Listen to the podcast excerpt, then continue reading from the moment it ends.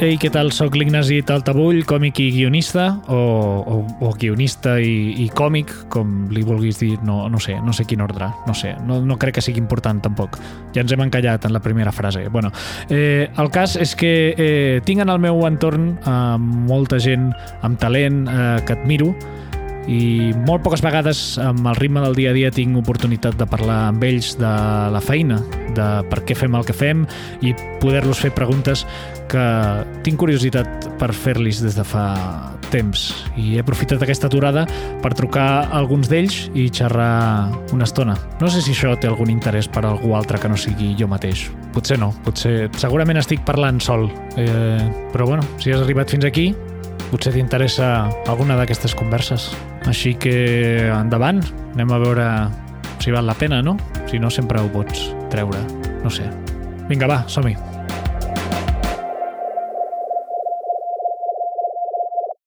Álvaro Carmona, ¿qué tal? Buenas tardes. Buenas tardes. Buenas ¿no? tardes. En tal? los podcasts no hay que decir nunca ya, ya referencia temporales, ya empiezan ya, mal, ¿eh? Ya empiezo mal, ya empiezo mal. Se nota que no, no estoy acostumbrado a hacer estas cosas. Claro, claro. Es, Eh, eh, no hay que dar referencias ni de, ni de tiempo ni en espacio. Esto es una especie de nebulosa. Claro, es como, bueno, y más que nunca, ¿no? Ahora con las conexiones estas de, de Zoom Claro. es la, la nebulosa absoluta.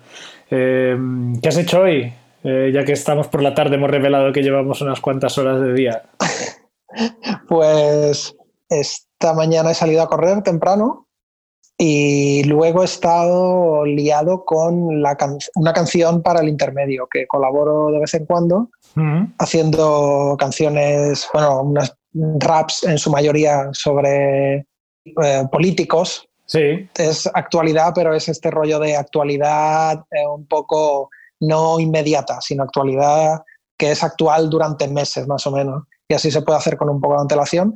Y he estado y estoy con eso, a ver si la, la acabo pronto y la mando para que me digan si, si ya está o si quieren algún cambio. mola de las canciones que haces para el intermedio, que eh, la letra evidentemente es, es cómica, pero la base tú te la curras como si fuera una base normal. O sea, si la letra fuera otra, eh, esa base podría estar en el CD de alguien. Y siempre me ha parecido divertido esta parte, que yo también haciendo canciones parodia y tal, que hay una parte que no es paródica, que es la parte de intentar hacer una base y una Claro, canción que mole. ¿no? Claro.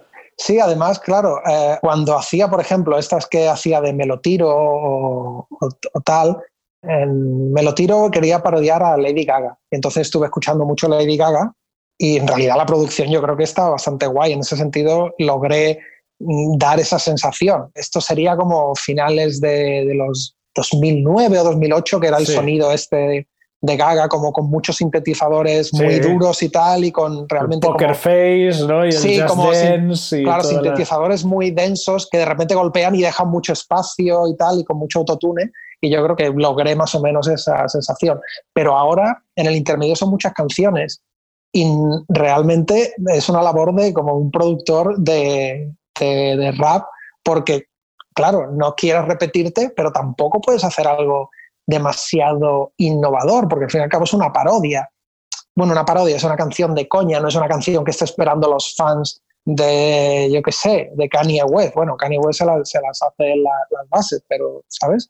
Sí, pero claro, tiene que ser lo suficientemente interesante como para que aquello te atrape como oyente, pero a la vez tampoco puede ser una locura porque hace referencia a algo que conoces, ¿no? O sea, para el oyente Sí. tiene que sonarte familiar, ¿no? Como algo que podría sonar en la radio o, o ver en la tele. Al, al fin y al cabo, y creo que también a ti te pasará un poco lo mismo, al final es hacerlo interesante para mí, porque no creo que nadie vaya a escuchar eso diciendo, ah, vamos a ver ahora como, hostia, es verdad que no ha metido hi-hat, pero sin embargo no se echa en falta, ¿sabes? Sí, Sino claro. la gente es como, tío, joder, el puto Pablo Casado, nadie se fija en como... Luego, "Hostia, es verdad eh, que-". luego nadie sabe apreciar la de horas que te ha llevado un detalle ínfimo de la música, ¿sabes? A lo mejor en a dónde voy de decir, buah, tío, ¿cuál es cuál puede ser la línea de la guitarra aquí? Y luego la Claro. gente, o sea, cuando escucha a dónde voy, escucha la letra y basta. Pero yo sí creo que, o sea, mi sensación es que aunque no escuches directamente ese detalle, sí importa ese detalle. O sea, si eso no estuviera allí, esa canción sería menos graciosa incluso. Ya sé que no tiene nada que ver con el humor, pero el hecho de ser, que una canción humorística suene casi, casi igual de bien, evidentemente imposible porque nunca tienes los recursos de una gran producción, pero que suene lo más cercano posible a una gran producción, eso también aporta al humor, creo. Claro, claro. Y también lo que pasa es, que yo creo que a ti te pasa lo mismo, es si ya sabes cómo se puede mejorar un poquito, ¿cómo no lo vas a hacer? Claro. Es que ¿cómo no lo vas a hacer? Yo el otro día, porque ahora eh, en, cuarentena ah, he estado grabando mucha música, porque mm, tengo un proyecto, bueno, las canciones estas que salen en Gente Hablando en la serie las, hago yo y tengo un proyecto que se llama Alas y grabé un disco hace un año o algo así y ahora pues estoy... Y claro, es una cosa que súper, no es secreta, pero bueno, es una cosa muy pequeña que a, muy poca gente le interesa. Pero eh, esto, el otro día, precisamente, que estaba grabando algo y pensaba como, me había llevado un montón de tiempo grabando una, bueno, grabando la acústica, que es, es muy, bueno, tú ya sabes, es un instrumento súper jodido de grabar y la tenía, ya tenía toda la pista y la había como arreglado, editado y tal, y la estaba escuchando y no me molaba el golpeo, ¿sabes? El golpeo de, creo que el ritmo hay demasiados golpes y luego deja poco espacio para los otros elementos y hay como y por lo tanto tienes que cambiar la canción entera porque si el golpeo ya el golpeo es el mismo durante, durante, toda la canción.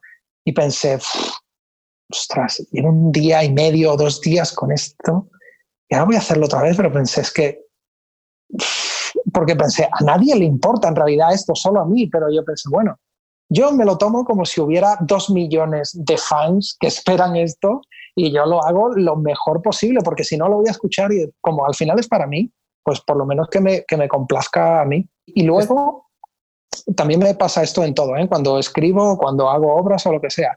Si hay una pequeña cosa que no me mola, eh, he aprendido a, aunque sea un coñazo, cambiarla, porque si no, cuando pasa el tiempo y ves eso, solo puedes ver esa mierdecita y pensar, ¿por qué no lo cambié? Es verdad que solo me doy cuenta yo, pero no sé. Sí, porque también tienes esa mentalidad, como decías antes, de tomártelo todo como si fuera llegar a un público masivo, como si tuvieras dos millones de fans, ¿no? no dejas pasar ni una porque sometes ese proyecto a una presión o a una exigencia de que tiene que estar lo más perfecto posible, ¿no? Sí, el nivel de exigencia yo por lo menos lo tengo siempre de y también en la gente que admiro. Si tú admiras a gente que hace las cosas que tú lo ves fuera de tu alcance, si tus estándares son muy altos, tu nivel va a ser más alto, porque al fin y al cabo, si te fijas en alguien que hace las cosas muy bien, pues por propia inercia de, de admiración barra imitación, vas a querer hacerlo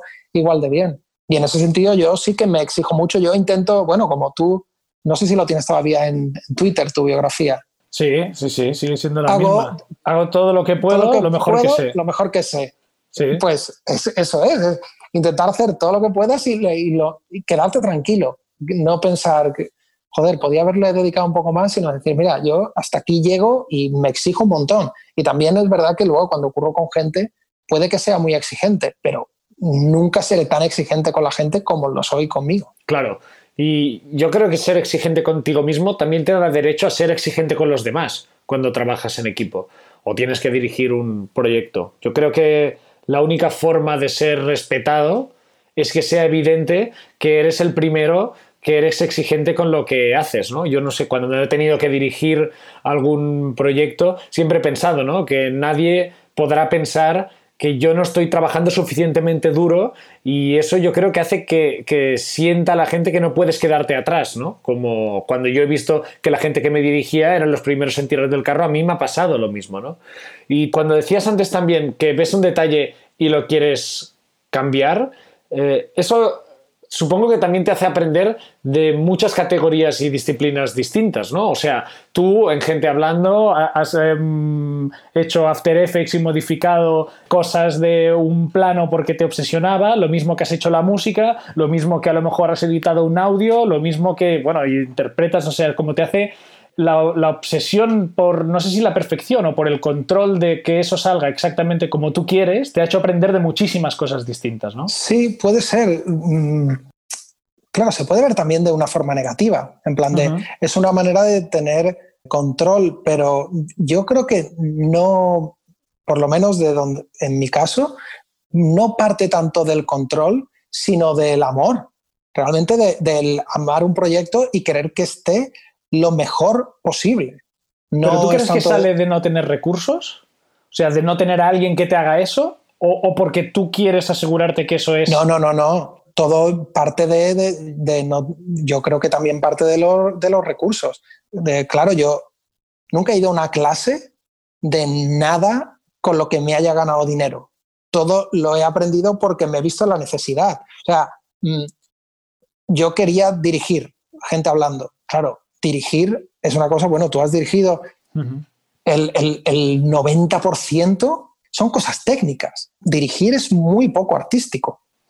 Actuar es artístico, escribir es artístico, incluso creo que montar también es más artístico, pero dirigir y planificar lo que es un- una grabación es técnico.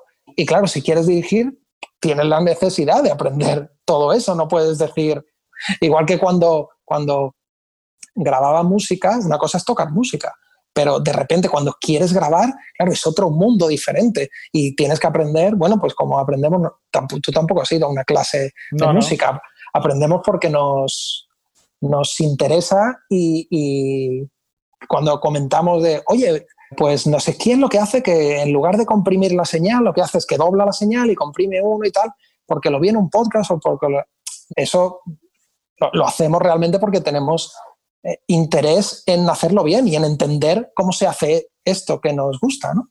No lo haces porque pienses de voy a hacerme el chulo o así, mm, sé hacerlo y si contrato a alguien para que lo haga y lo hace mal, le puedo echar la peta, sino, bueno, es porque, porque quiero hacerlo bien yo. Sí, pero a la vez no crees que para dirigir bien tienes que saber de qué va el trabajo del otro. Sí, saber en qué consiste el trabajo de cada uno. Y yo no te digo hacerlo tú igual de bien que otra persona, porque evidentemente cada persona se ha formado en eso y lleva una vida en eso y es imposible saber de todo al nivel de un especialista. Pero saber que tú estás pidiendo algo a alguien y saber qué le pides o qué más o menos cuesta o por dónde empezarías, ¿tú no crees que es eh, súper importante a la hora de dirigir a alguien? sí, sí, es verdad que es bastante útil. Eh, oí un, no sé si has visto la peli Booksmart, Sí. súper empollona, igual la llamaron. Sí, sí. Pues la directora, eh, la Olivia Wilde, es su primera peli y ella es actriz. Y hablaba, y una de las cosas que decía es, yo antes de dirigir esta peli, pensaba que el actor tenía mucha más importancia en la peli. Pensaba Mm. que la peli, tú llegabas y el actor hacía la peli y es como, bueno, pues el actor ha hecho la peli. Y ahora, dice, ahora que he dirigido una peli entiendo el, el poco de grano de arena que es lo del actor. Como que toda la preproducción, el elegir el guion, el luego los actores se van y la peli todavía hay que currar un montón, hay que editar, hay que eh, volver a cambiar, hay que replantear cosas, que si la música, que si la post, mil decisiones que tienes que tomar que cambiarían la peli. Y dice, y me he dado cuenta de eso. Y se notaba como, claro, yo cuando era actriz pensaba, llegabas, actuabas la peli y ya está la peli. Y no, realmente no es así. Sí, y ahora que comentas lo de los podcasts, a ti y a mí nos pasa algo que hemos comentado ya alguna vez, que es que cuando vemos algo que nos gusta, inmediatamente tenemos la necesidad de saber cómo se ha hecho eso. Sí, y, y- y- y sé que, que no es así para todo el mundo, pero Claro. me, me cuesta. O sea, no entiendo cómo alguien puede decir, ayer vi tal peli y la dirige no sé quién, ¿y qué más pelis ha hecho?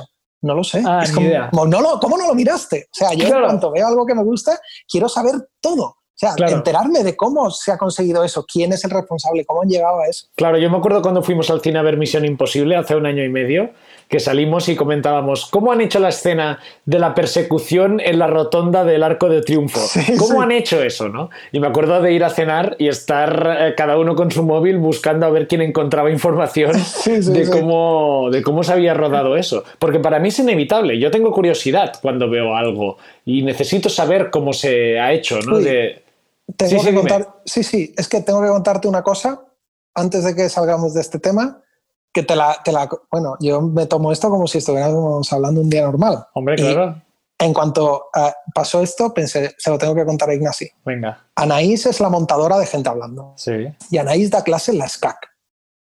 Entonces me dijo hace algunos días de dar, eh, ella tenía que dar una clase rollo Zoom, en virtual, con varios, Sí. con- son 25 alumnos, y me dijo, sería interesante para ellos, con la clase de montaje, si pudiéramos nosotros hablar de gente hablando, porque les ayudaría un montón, porque claro, es algo, bueno, ya no es solo práctico, sino es algo que acaba de, de emitirse, en plan e, es real, no es un ejercicio, y explicarle todos los trucos de montaje que, bueno, trucos, las técnicas que usamos que tú ya sabes que son bastantes. Las dos, personas que lo hicisteis, además, ¿no? Que tiene más... Y, o sea, yo, di la, dimos la clase pensando, esto, si nos lo dicen hace un año y medio, sería incalculable el valor que tiene. Porque ha habido muchas cosas que hemos descubierto en el proceso. Bueno, tú ya sabes todas las técnicas que usamos para... En fin, el tema es que eran 25 alumnos y se conectaron al Zoom 9. O sea, hay gente que no se conectó, ya no que llegara tarde, pero era desde su casa. O sea, no es que pueda llegar tarde al sitio en el que estás. Los nueve que se conectaron yo empecé a hablar y de repente en el Zoom puedes quitar el audio y se ponían a hablar por el móvil. Tenían conversaciones por el móvil mientras estábamos explicándolo. Joder, pero... Y yo notaba como muchos de ellos estaban mirando internet, ¿sabes? Estaban mirando el ordenador porque veía que le cambiaba la iluminación y los ojos se ve que no me estaba entendiendo. Pero, ¿y cómo, pero ¿y cómo te lo explicas que pase una cosa así? No lo sé, pero, o sea, pensé, eh, por esto que decíamos del interés, pensé, no vais a llegar a nada. Es imposible. Claro. Con esa actitud, no sé si a lo mejor luego te cambia, pero con esa actitud es imposible. Y mira que las CAG es una cosa súper cara, que una matrícula vale un, pastizal, pero tiene muchas más posibilidades de llegar a ser director. Alguien que está ahora mismo con su móvil en la calle grabando un vídeo de YouTube de mierda, que esta gente a la que le están dando una clase y están, pero hablando, en plan yo les veía con el sonido quitado, hablando como, sí, tal, tal, tal y flipaba. Sí, y me sabe mal lo que me cuentas porque yo muchas veces he pensado que me habría gustado tener la oportunidad de haberme formado mejor, de haber ido a clases y aprender de todo. Y no he podido y realmente me sabe mal porque tengo mucho interés en saber cómo funcionan cada uno de los procesos creativos o no creativos eh, para hacer una película, por ejemplo. Y lo he tenido que descubrir en podcast y en eh, tutoriales. Bueno, pero ahí está la, la diferencia que, que, te interesa, que no es porque yo comprendo que en el cole, tú vas al cole y, tú quieres salir a jugar al recreo, no quieres que el profe te explique la fotosíntesis. No, no, claro, claro. Pero claro, ya si te matriculas en la SCAC. Sí, con la pasta que vale. Bueno, y ya no si te matriculas, es como si tu objetivo es ser eh, director de cine o de una serie o lo que sea, pues más vale que prestes atención. Tú sabes la de gente que está intentando hacer esto en el mundo, que son infinitas personas, más vale que tú estés dispuesto a aprender de todo, es que si no. Claro, pero lo contaba más que por el hecho en sí, sino por lo del interés. Si no tienes interés, es que, o sea, si no tienes ese fuego dentro que te hace decir, hostia, ¿y esta peli? ¿Esto cómo habrán hecho esta escena? Voy a mirar, hostia, aquí hay un podcast del director, a ver si lo explica. Sí, yo esto, por ejemplo, cuando alguna vez alguien me ha preguntado, gente más joven, sobre ser guionista o dedicarse al humor, y me preguntan cosas como, ¿se cobra mucho o se curran muchas horas? Yo siempre digo, si realmente no te gusta, no te vale la pena. Porque el sacrificio y la de horas que le tienes que dedicar para ser bueno en esto no te van a compensar si realmente no es lo que quieres hacer. Solo aguantarás si es lo que quieres hacer y no tienes otra alternativa. Porque yo siento que no tengo otra alternativa. Yo no sé qué haría si no estuviese currando de esto. No tengo ninguna otra habilidad realmente. Además, no sé si te pasa a ti, alguna vez hemos comentado sobre mm, algún proyecto, alguna cosa que hemos visto.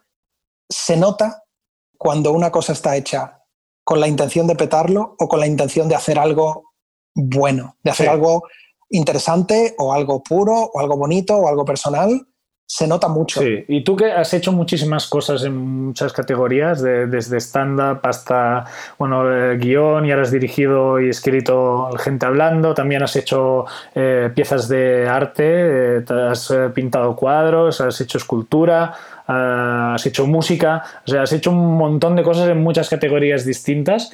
¿Por qué crees que has buscado en tantos sitios distintos y, te has, tenido curiosidad en vez de a lo mejor eh, haberte centrado en una? ¿Es porque te aburres rápido? ¿Es porque te llama la atención probarlo todo? ¿Por qué crees que.? No, no, no, no me aburro rápido porque no suelo dejar nada. no es decir, ya no toco música o ya no hago, sino intento llevar todo para adelante dentro del tiempo y también de, las capacidades que yo tenga. Supongo que es la curiosidad, el interés de... Supongo que es que no puedo tener hobbies porque no puedo hacer algo y quedarme ahí en decir, bueno, me, me gusta pues regar las plantas y verlas crecer. Probablemente si me gustaran las plantas, entraría en foros de horticultura durante meses hasta hacerlo lo mejor, lo mejor Claro, que de- sé. tendrías un jardín en tu casa, ¿no? Tendrías una selva ya en tu casa. No puedo quedarme ahí. Supongo que es por como soy yo, no puedo. Es que no puedo. Y, el ejemplo más claro de, de que no puedes, si alguien pensara en petarlo, obviamente debería hacer lo contrario que hago yo, porque ya, mm, no es muy inteligente el decir, vale, me dedico, hostia, pero ahora me apetece hacer esto, pero claro, si me apetece hacer esto, tengo que aprender cómo se hace, es una pérdida de tiempo, no tiene sentido, porque entonces voy a tardar más en petarlo. Quiero decir, el, el- Sí. el concepto este de petarlo de- del éxito. Yo me muevo, sé que es un poco cursi, pero yo me muevo por lo que me pide el, el corazón y por lo que siento que realmente me motiva. Sí, pero es una sensación que yo también he tenido alguna vez de decir, hostia, si yo me hubiera dedicado a una sola cosa durante... Es que no puedes, es que no puedes. Claro. Es que no- es- o sea, es una suposición imposible, porque yo sé que no puedo. Y, y- Sí, porque te aburres. No, no es que te aburres, es como que sientes de decir, hostia, estoy invirtiendo un tiempo en esto y me apetecería saber de otra cosa, Claro, ¿no?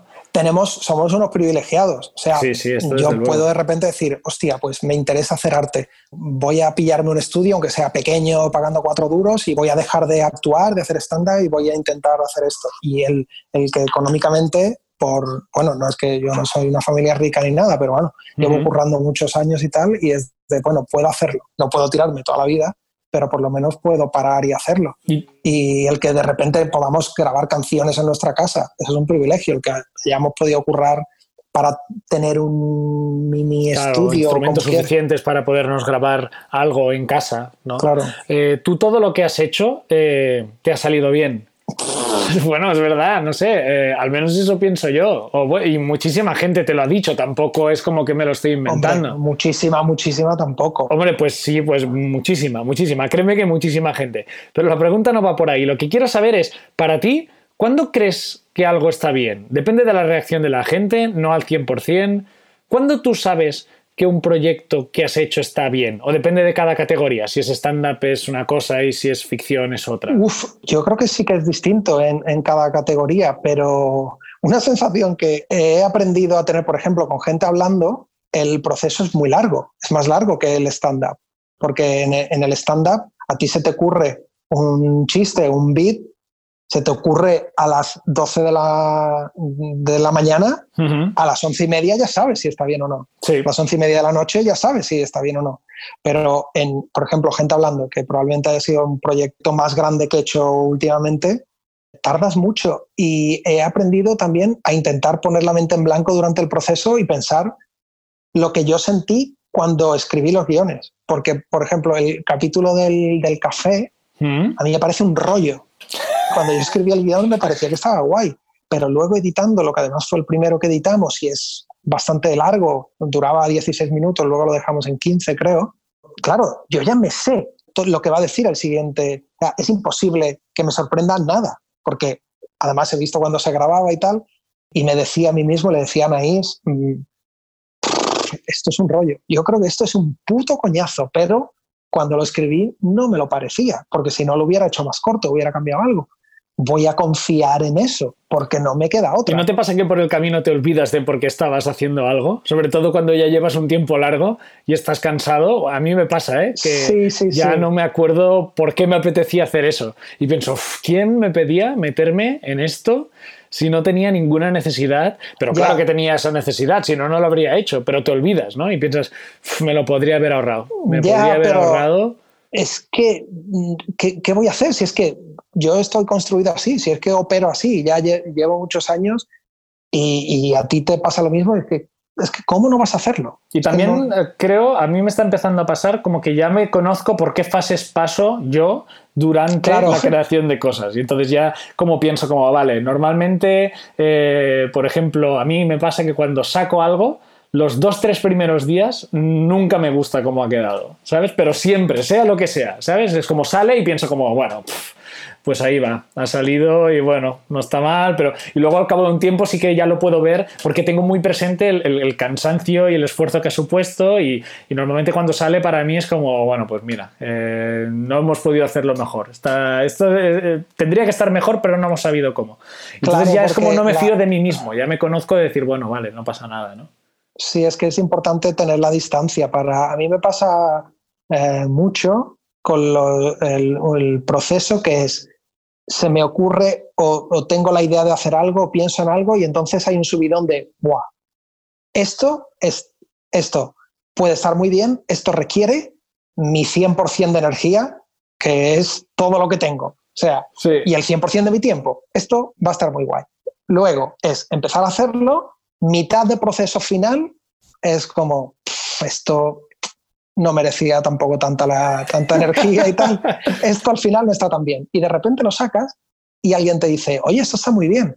Y tú dices como, hostia, pues, pues sí que está bien, sí es verdad. Es porque yo al principio pensaba que esto iba a estar muy bien y he hecho lo que pensaba al principio que quería hacer. Cuando, cuando tienes la idea inicial de algo, cuando se te ocurre algo y tienes la sensación de decir, ¡buah! Esto es buenísimo esa sensación es muy potente, pese a que no hay nada. O sea, la idea inicial, a lo mejor hasta que va vas a terminarla, van a pasar meses y meses en el mejor de los casos. Pero la sensación primera, esa es súper potente de, tener algo entre manos muy guay. Y otra cosa que pasa eh, también que es curiosa es cuando revisas algo que has hecho a lo mejor hace años y te has olvidado cómo era, que es lo más similar a ser espectador de algo tuyo, que a veces descubres cosas de ti mismo, ves algo y piensas, hostia, esto estaba bien, y lo ves como si fuera algo nuevo, y lo ves por lo que es, ¿no? Sí, porque yo creo que porque es una cuestión de memoria, de una vez que pasa el tiempo, los pequeños detalles de trabajo, por decirlo de alguna manera, la minucia de, pequeñas mierdas o de batallas que has librado, a medida que pasa el tiempo, eso se va diluyendo. De manera que esas batallas cada vez en tu cabeza quedan más diluidas, pero el producto siempre es igual, porque lo, lo oyes o lo ves o lo que sea, y está lo que es. Y las pequeñas batallas esas, pues igual ya se han ido diluyendo. Yo recuerdo decirle a, Anaís, a la montadora, porque estábamos, estaba siendo un puto parto el, comienzo y el final a mm. nivel de, algunas cosas que teníamos que cambiar y de pospo. Y le dije a Anaís, es que lo veo, veo el puto capítulo y lo odio. Y lo odio. Y, y, me parece. Y claro, y luego pienso como, joder, es lo mejor que he hecho en mi vida. Pero, pero eh, hubo un momento, hace no mucho, ¿eh? igual te estoy hablando de hace sí, cuatro meses, ¿eh? que le dije a Anaís, es que lo veo, veo un frame y lo odio. Claro, bueno, porque lo relacionas con el sufrimiento de querer que salga perfecto y no con el resultado final, ¿no? Y ahora que hablas del capítulo del comienzo y el final, es un ejemplo claro de lo que hablábamos antes, de cómo saber varias cosas de varias categorías te ha llevado a poder hacer algo como el comienzo y el final, porque gracias a saber cómo funcionan los programas de producción musical, pudiste hacer posible la grabación de ese capítulo. Por si alguien no sabe cómo se grabó, cuenta cómo sincronizaste las dos acciones de Mickey Sparve en ese capítulo. Pues sí, eh, hay dos cosas. Por un lado está toda la técnica que, ahora explicamos y por otro lado está Mickey Sparve que tú puedes hacer todo lo Y luego alguien tiene que, defenderlo de manera brutal, claro. Bueno, a mí no se me ocurre a nadie que pueda hacer eso. Sí, eh, sí, estoy de acuerdo. Pues claro, yo pensé, yo tenía un, perdón, tenía un vídeo en, en, tengo un vídeo en YouTube de un corto que hice que se llama 180 y que son dos voces que van hablando a la vez pero diciendo cosas contrarias. Es que es un poco complicado de explicar, no sé. Es, es un texto que es el mismo texto por la derecha y por la izquierda, pero va, digamos, uno de abajo arriba y otro de arriba abajo. Coinciden en el medio y luego vuelven a separarse, repitiendo lo mismo que has oído por el otro lado, por decirlo de alguna manera. No, es más sencillo si lo oyes de lo que parece. Y teniendo esa idea, pensé en hacerlo del comienzo y el final, pensé como el comienzo y el final de una relación en paralelo y que hablaran a la vez o que se comunicaran la izquierda y la derecha. Y claro, lo primero es, ¿esto se puede hacer? Claro. Porque miré algunas, algunas cosas en, que hubiera y no encontré nada tal que así. O sea, encontré algunas cosas, pero no tal como yo lo quería hacer. Pues yo quería sincronía. quería un plano secuencia que funcionara, dos planos secuencia, pero que hubiera sincronía, que se separaran, que no nos anticipara algo que luego inmediatamente ves. Bueno, lo que, lo que es, si alguien no ha visto el capítulo, pues lo puede ver. Y pensé, ¿cómo cojones vamos a hacer esto? Y entonces se me ocurrió el hacer dos pistas con instrucciones y huecos, de manera que, que eh, Mickey podía oír con un lo que tenía que hacer en ese momento, una instrucción mínima para no, que no interviniera mucho en el acting, pero para dejar el hueco preciso para que en la otra parte pasara lo que tuviera que pasar y para que sus acciones comenzaran y acabaran justo eh, para que no se pisaran o para que se pisaran con las del otro lado. Y luego acababa con un discurso a la vez en los dos, que eso, realmente el primer día en, en una de las partes él dijo el discurso o sea, lo hizo de acting normal y en la segunda parte él tenía que oír su discurso e ir reaccionando ante eso.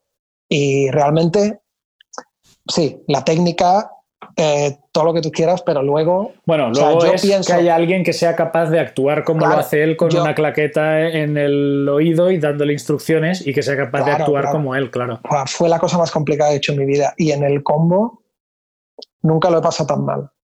Estaba haciendo algo muy complicado, un plano secuencia, todo podía fallar, teníamos poco tiempo y estaba haciendo que lo pasara mal un amigo mío, porque cada vez que Mickey Sparvé, que es mi amigo, salía por la puerta, se me rompía el corazón, porque quiero decir, él aparecía, aparecía llorando, destrozado, y yo, o sea, hay algo dentro de ti que, que no puede, que yo era el director y él era el actor, pero era como, joder, pobre, pobre tío, pobre, pobre Mickey, cuando, sabía que era una ficción.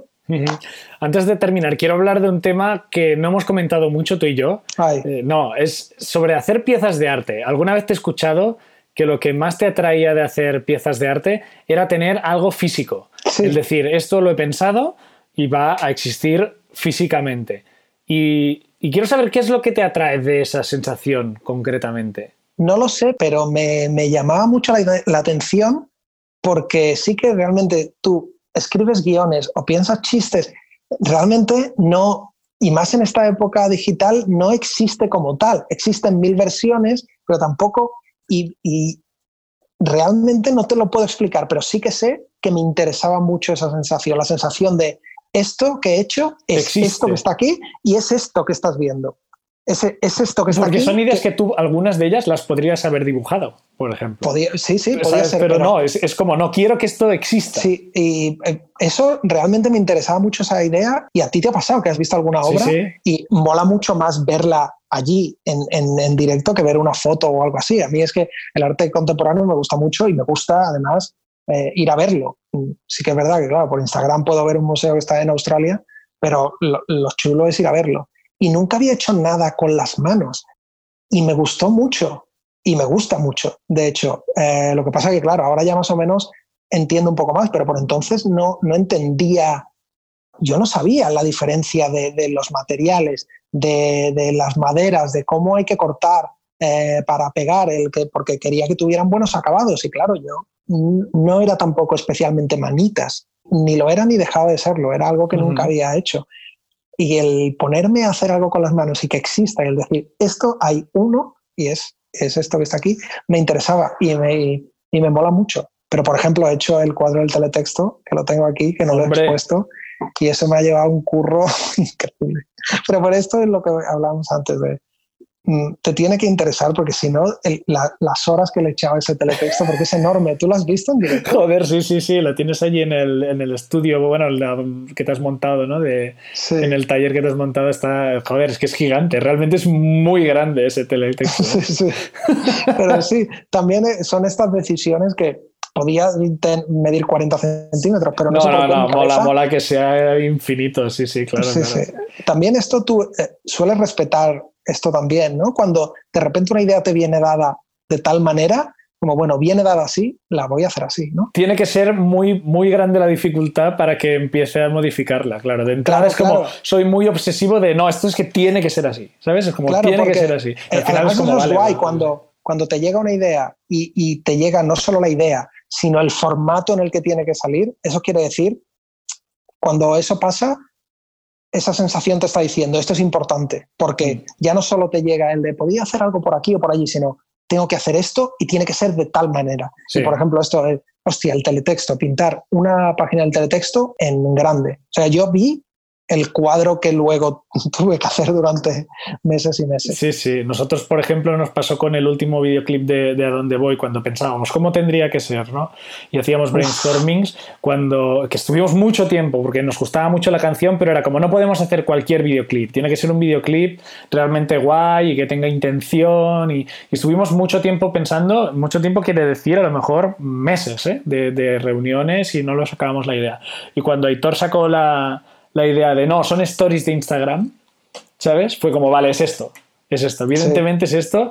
Y lo que dices es como ser consciente de, vale, eso quiere decir que lo vamos a tener que grabar todo con el móvil, todo además a través de la aplicación de Instagram, que el máximo de tiempo que puedes grabar son 15 segundos, o sea, quiere decir que vamos a hacer tomas de 15 en 15, yendo guardándolo desde la aplicación investigar si se puede colgar un formato vertical en YouTube y cómo se ve eso. O sea, fue un, un trabajo muy, muy largo. Y claro, al final son dos minutos y 15 segundos y creo que hay como setenta y pico planos distintos en distinto lugar con distinto filtro, ¿sabes? Y es como, ¿qué, ¿por qué? Pues sí, porque pero, es que pero, no puede ser de otra forma. No es puede que ser de otra eso forma. es justo lo que iba a decir, pero es que tiene que ser así. Por el tema, es que es perfecto y por eso os embarcasteis en, sí, sí, claro, en claro. todo ese curro. Y luego realmente... investigación muy, muy eh, que seguro que también te pasa, que piensas, esto no lo va a notar nadie, pero de decir, vale, por ejemplo, poniendo los textos, ¿no? Al inicio, cuando pones a dónde voy, no sé qué, es investigar cuáles son las limitaciones de Instagram para los textos, cuán grande podría ser este texto, qué fuente es este texto, cómo quedaría mal,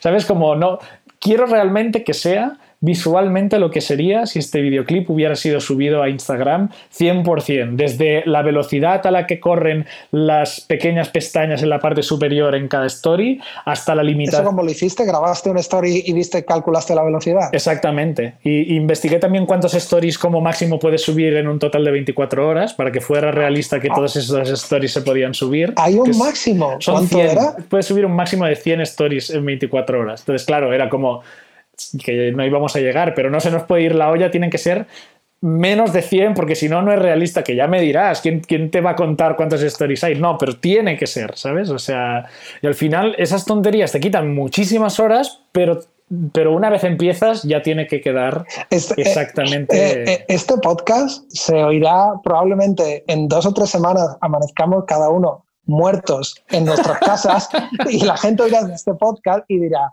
Ah, claro, porque estaban como dos putas cabras. Ah, sí, vale, tío. sí, sí, sí, sí, sí. Porque eh, están absolutamente señor, locos, ¿no? Claro. Señor sí, inspector, sí. cierre la investigación. Ya, o sea, ya sabemos lo que ha pasado. No hace falta investigar nada más. Es, es una que, gente obsesiva que de repente pues petó porque estaban, llevaban años de locura. Claro, claro una, era, una vida de totalmente. Tiempo. Era cuestión sí, sí. de tiempo, era cuestión de que encontraran el proyecto que acabara con ellos, era cuestión de tiempo. Como lo escucha un psiquiatra, de repente nos va a llegar nuestra bandeja de entrada de, oye claro. chicos, he, bueno. oído, he, oído, el podcast y necesitáis ayuda urgentemente.